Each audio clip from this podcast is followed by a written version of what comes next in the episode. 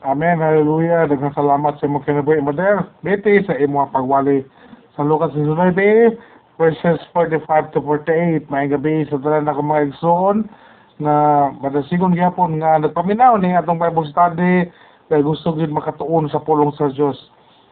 Nagsalamat sa Diyos sa Blang Espiritu sa atong magwawali karon kay nasaysay niya ang matuod gayud nga kahulugan ug angay unsa gipasabot nining iyang gi gibutang diri nga pagwali nga may duaw may adto sa Ginoo Kristo sa templo. Ako na itudlo ha. Base sa o gi una mo sa ni Mother Bete, base sa mga panghitabo pagsulod ni Ginoo Kristo sa templo Tanaw ni mo atmosphere mga igsoon, nakita ni Ginoo Kristo nga ang Jerusalem wala gayud mi improve sa adlaw naghatagan siya og mga higayon. Pila na ka mga adlaw naghatagan sa higayon nga mag-usob pero wala gayud siya mi improve mabutang nga susama sa atong nasod karon. Daghan na mga adlaw mga tuig mga igsuon nga gihatagan kitag higayon na mag-usob pero wala gid nato gamita ang maong higayon. Opportunity to improve. Nagkaraghan hinuon ug nagkalino og ang atong mga sala nga gipangbuhat. Makita to sa news. Badungga na na sa radyo. Ug mapasa na na sa newspaper bisan na sa internet nga makaingon ka nga dili naman ni tao ang gahimo nini niya na no? Nga a day of judgment might come. Nga puuhon ug laglagon gayud kita. Si Ginoo Hesus Kristo iyang gihawanan ang templo katong balay alampuanan dito sa Jerusalem sa mga tao nga nagpasipala niini so kay balong magtakin sa ko sila? Katong mga namaligya katong mga tigbaylo mga kwarta nga to adto ka standby gihimo naman uno lang agura ang templo. Dayon unsay gipakita ni Ginoo Kristo mga igsoon mao ang truer love ang tinuod kay nga paghigugma sa templo mas naigugma mas ipakita ni Ginoo Kristo nga mas naigugma siya sa balay alampuanan lugar din magkatagbo ang mga tao. Mag himo sila pag-apo sa Dios Ramahan kaysa mga halad nga gipanghalad din sa sulod ibutang na to atong kugalingon nga ingon ani mga igsuon nga anaabot na panglantaw nga atong isig kasimbahan na lain ng simbahan mapakita na to ang tinuod na to nga mas importante ni ang simbahan. Kinsay nagbuyo o nagtudlo din ha ang pastor. Higugmao na to. Dili na to. Parehason lang pareha sa sa eskwelahan nga bandal-bandalan. Gumuon ang mga butang. Pangawaton paghido unsay anaa din ha o sulod gawas nga wala wala wala ganun kay batasan sa anaa dira ang pastor iyang pamilya o skin sa man nga iduaw rin na nga pareha nato kauban sa pagtuo kauban sa simbahan. Kapay usahay ngalin napa sa simbahan mag-away maglalis nagkukig mga tingog napa sa simbahan magsumba og libak. So nabutang na hinuon ni nga gihiwo na hinuon ni den of robbers tuwa na sa dito pinatyanay. Kaya naman eh man ang hate soldado rin sa mga direr na sila ko ni isuon aw mura na mong imo na sang kipatay o dito mo naglibakay dito mo nag-away nagpagawas sa iyong tinuod nga kulor The temple is a house of prayer. Ang templo, at ni siyang ibutang sa buto ng panahon, ang simbahan. Balay, diin kita mag-ampo, mga isuon. Gilain kayo gini, aron mahimong lugar, diin kita makigsuod o samot sa atong buhay nga Diyos. Naigisugutan si Madam Biti, usa nga ako ang lista, no? Nga, tag-andam kita sa itong kulingon ano ni abot sa panahon makauban kita ng Ginoos Kristo dito sa langit. O makauban nato makuyog makita nato sa tinuod na Dios nga pagsabot ang Dios amahan. O usa ang templo nga lugar diin kita makagsuod kaniya. Kaya naman sa direct access pag-ampo na matadiretso so dinot kaya kung tuwa ka sa simbahan mong kasing-kasing mag-ampo ka diretso sa Ginoo Hindi naman sabay. Pero nindot mo sa simbahan kay madasig mo ka. Maampo ni mo to imong tapad. O si kinsa ang anak din nga naginahanglan, mapakita ni mo ang imong gugma. Katong mga namalit dito, na ilang ihalad, o katong namaligya, gihimo man kini og den of robbers, no, kaning luklukanan sa mga tulisan, sa pinaagi sa ilang mga pagpanikas, nga mga pagbaligya o kaning barter-barter nila na ilang mga sensilyo. Dayon, pagkahimo pag sila sa pag-distract, no, wala na nila na, wala sila na sayod nga, daay mga tao dito, nga niadto dito aron mag-ampo. So maghinay-hinay usab kita mga iso sa simbahan. Na kung adunay nagwali, ang pastor, alaay na minaw sa imong tapad, dili mo ka magpasagat og tabi-tabi.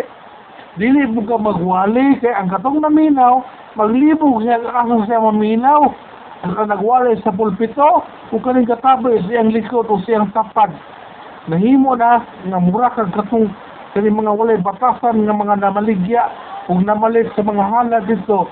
Kay ila man gihimo og luklukanan sa mga tulisan. Kung ikaw nagwali ang pastor wali po ang imuha sama ra sa tulisan. Kay imong gidistract ang tawo nga nag-focus, nag-concentrate siya sa pagpaminaw sa pulong sa Ginoo. Ikaw na unya tong langgam nga mituwak atong mga liso nga gisablig niya atong magpupugas nga dito ritog pa sa mga dalan. Wala katubo sa kaning kasing sa naminaw kay gipangaong sa langgam. Wala katubo sa kaning kasing sa naminaw ni Simba. Kay imo man didistract dituhak sa mga langgam.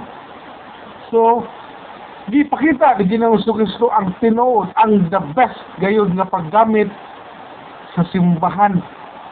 Naagri sa versikulo 26, uh, 40 city ha, kung atong basahon ang unang uh, sentence lang, matag adlaw nagtudlo si Jesus dito sa templo. Muna siya ang correct use sa simbahan.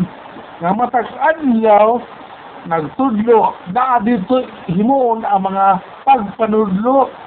Dili kay tuwa dito kay usaman nag-birthday Hindi ka tuwa dito kay nag-practice og drums drums wala labot sa service. Tuwa dito kay nagchika tuwa dito kay kani ang sani wala lang. Imbes nga pareha dito may mga sample ba? Nga o oh, anita simbahan magtabok sa ha paghapon domingo pag adto kay landa naman eh nga iligabot sa tapok. Naghimuon nga mga pagwali. Unya kay ay tulura man ta kabuok dili man ma mahimo ni kay kinahanglan madagagan magampo na lang ka ni sakripisyo ang buluhaton. Imbis adunay mga panagsimba bisag tulo lang man ka magampo na lang ka kay kulang man ka. Pwede ba na pwede makasimba ng tulo? Katong sa tinago galing nga katong gaton og pastor dito sa una dili pa kung kristohanon mula ba yung magkuto yung simbahan kay matumis dagat malapit na mo to yung simbahan. Magwali ka siya basta way na minaw niya. Katawa na mo kung yawa dito ano kapraktis gawali way na minaw niya. Samutan na yung naminaw to niya. No makainom na ko itong mga siyaw-siyaw katong pag-intern na gusto ba niya nga ba?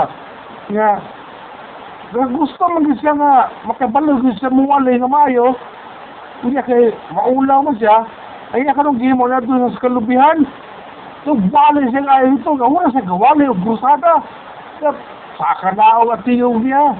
Wangoy na minaw niya. Pagkahuman iya pong giapil ang altar call pag human niya wali oh kinsa tong mudapat muto ni Ginos Cristo anhimong subangan katingala man siya kay naari dito kapit sa iyang giwalihan na ihubog na natulog. Ang hubog ni Tindog kung milinya may tindog siya sa bali ang gipadawat awa walay tao pag wali niya. Pero pag abo sa altar ko ni Tindog na hubog na kadawat hallelujah nakakuha Panginoon sa usa ka kalag. So makatawa may ana pag-share ba pili day magwali ka mo sa kwenta mo. Kaya kapag ngayon sa kalumbihan nagwali ka kuha mag-usa ka kalag. Depindot kay mga ison. Dayon, Sa ato mga simbahan karon dili lang ina nga tama na na sa pagpalayo sa mga korupsyon na may korupsyon sa atong simbahan. Sabi na ang simbahan dako una, sa among simbahan ay daghan di man siya korupsyon nga kanang pareha sa gobyerno. Kada bitang naipigbihig kani ako ni, kani ako ni, o kanina ako tagaan, kani wala labot, saan kung kani ako ilain na nila, kano wala gituman. Nay mga na ba, kano gisaaran nasakitan ang taong sa kaya wala na dayon. No, sa mas papana, yan ang ipang share na ko sa una. Kay, nipihig-pihig ang Pangulong Pastor. Dahil na apoy mga nanimbahay nga nagpalakas sa pastor, gidaot ang lain nga tamo, panimbahay, nga kaupag Kristuanon, muna nahimo ngayon ana. Dili lang inap, nga kana siya walaon sa atong mga simbahan, labi na simbahan nga dagko para sa mga, kung dili, i-apil gayud o idasig gayud nga magpadayon sa pagwali sa Ebanghelyo. Tanawa na ang mga simbahan usay mauga. No kita di man ta manaway pero mauga. Kaya nga naman maglisod naman. Kay mura mag-plastic kay naman hinoon kaya kami ana sa una labi na ni Bible School ng mga kaning bagong graduate o hapit na mo graduate mga himantayon. Kani tayo naman gawali di ba? Wali klaro. Ana bitaw so kita yun na po sa una makatawa pa kay magsugod siya o wali bahay sa gugma gugma gugma gugma sus pa hapit na mga man yung wali niabot man siya sa tiles Nigo nga wala naman stima ning gawali so niabot man sa tiles kaya nga no dahil nagpasidungog nagpadungog-dungog aron ingnon nga ihang gilabanan ang simbahan. So dili maayo na. Tima, tima rin ka. Ayaw na pag ligo-ligo sa imong wali. Kay ikarabot unya ang hinungdan nga ang naminaw nimo nakapaminaw ang mga sayop. Dayon wala, ilaga na manimba. Kang usam ni gisuta ni simbahan nga. Di man ta kasabot. Oh, pare atong kung kailan ni share po siya nga Bita, among pastor mo alay no, wala ka pa ipanto, nakabantay. Kaya kung ka ana magina, kaya ikaw nasayod naman ka, nga, ingon ana magod ang agi sa pagwali, yung pagpanaway, kaya hanang oras, siya gitudlo sa Diyos nga muwali. Di nyo ta manaway, wala ako dungkay, kaya nawala sa kuwa. Kaya naabay ko sa'yo, mapagting mo na akong dalunggan ang mga sayop nga bersikulo. Masayop siya kusulti. Unya, laliman ka pastor ko na siya nga nung gituyo na niya. Nagarapan na minaw kasi simbahan. Gituyo ni mo kanang mabali ng bersikulo. Ayaw, pulong na sa Diyos. Tulubag mo ni mo na dako kayo. So, tarong lang. Sa imong pagkristuanan, gadala ka sa pulong. Sulti lang ang tarong. Ayaw, gid bali-baliha ang pulong sa Diyos. Dahil, jok-jok mga jok-jok lang. Ayaw itong palabi. Kay, dako na siya ang epekto sa integridad. Dako na siya epekto sa ato ang kredibilidad. Isip mga alagad sa Diyos. So, dahil ko ng Diyos sa atong emuan karon. Kung sugod na to, burnout. Karon diri sa puso namin, nagula na po. So, salamat sa Ginoo kay intact yapon kita. So, salamat sa Ginoo sa pagpalayo ka na to sa unsa man nga mga disgrasya. So, salamat kayo sa kinabuhi ni Mother Biti. Palayon nga niwali. Nagpasabot na to.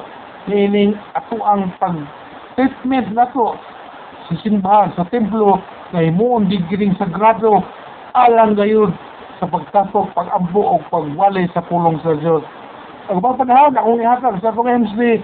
Hallelujah, Amen.